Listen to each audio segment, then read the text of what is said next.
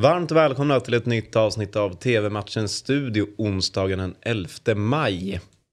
Och äh, återigen varmt välkommen till dig Christian. Mm, tack, tack. Kom du på något du skulle skriva ah, ner? Nej, ja, ja, det var en sak jag funderade på. Mm.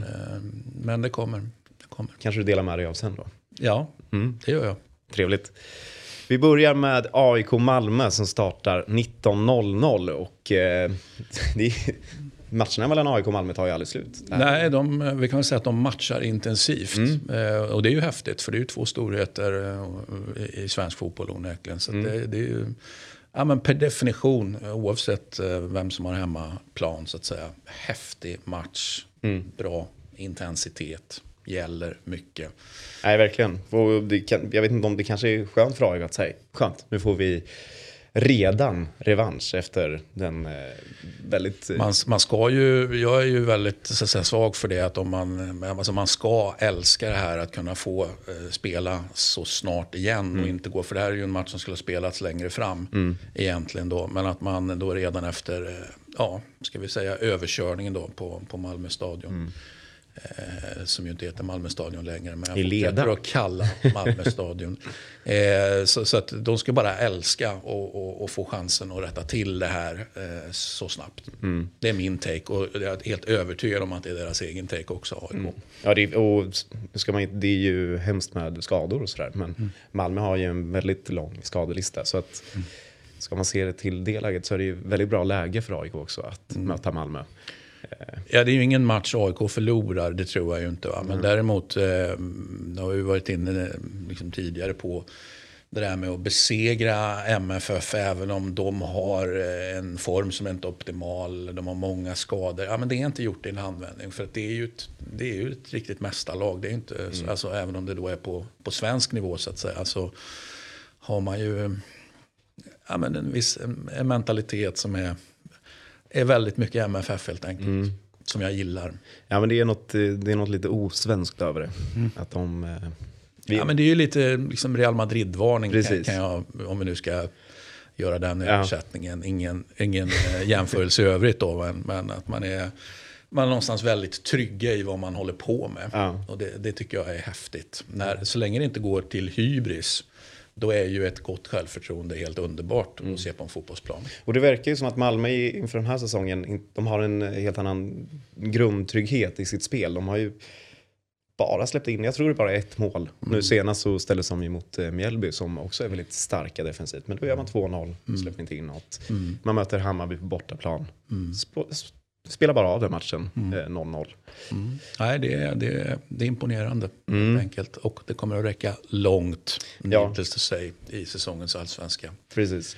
Eh, men men eh, jag tror inte de får med sig några tre poäng här i alla fall. Men det doftar väl kanske kryss det här, mm. tänker jag. Som det brukar sluta på Friends mellan Malmö. Ja. AIK och Malmö. Vi säger kryss då. Vi kryssar. Ja, vi får se 19.00 hur matchen slutar om ni ser den på Discovery+. Plus.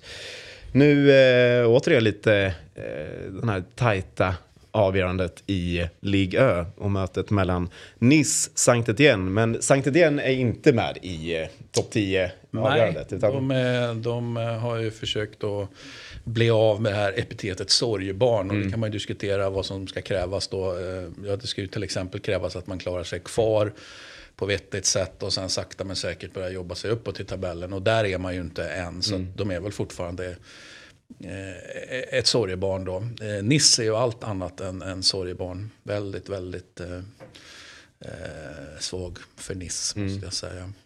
Vi kan ju ta en eh, kik på den nu tog jag inte ut, man hade ju nästan velat se Sankt Etienne också. Men de ligger på en kvalplats just nu på 31 ja, poäng. Ja, de slåss ju för livet, ja, så är verkligen. det ju. Så att även om man då eh, slogs mycket sämre för livet bara för några månader sedan mm. och så gjorde man tränarbyte och så vidare. Det har vi, har vi varit inne på. Va? Så att det ser ju bättre ut, men det är ju det är också grader i helvetet. Mm. Eh, vi kan väl vara tydliga med det för mm. Sankt Etienne då.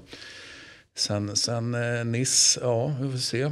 Det är ju som sagt var match upp till exempel. Och, och skulle man då så att säga vinna så, så alltså det är ju väldigt tajt i, i tabellen från, från tredje till, ja man kan diskutera hur långt ner man ska gå va, men, men säg tredje till, ja man kanske till och med till sjunde men definitivt till sjätte va. Så att, det, det, är några placeringar som står på spel ja, verkligen i den här matchen. Och det är... som, ju, som ju också, om man tänker att ja, men Sankt Etienne, de har motivation, absolut. Ja, men det har ju precis, det har ju Nice också. Mm. Liksom. Så det, det är två högmotiverade mm. lag som ställs mot varandra bör vara väldigt mm. högmotiverade i alla fall.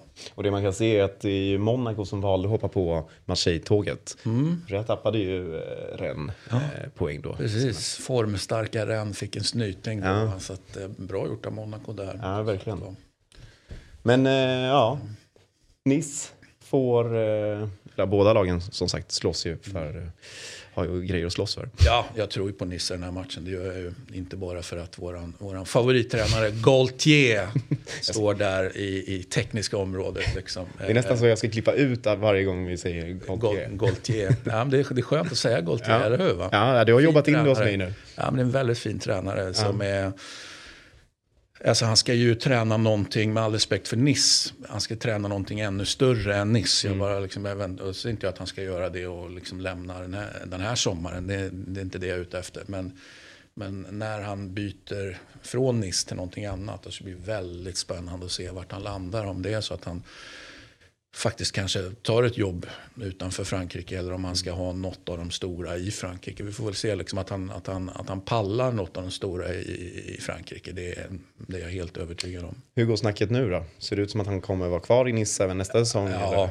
jo han är ju han är, ju, han är ju duktig på att liksom sitta sina kontrakt ut. Mm. Även om han var ju Sankt Etienne innan Lille så att säga. Och, och, då var det ju han själv som sa upp sig mm. i, i Sankt Etienne. Men han, han är ju en person som jobbar över tid.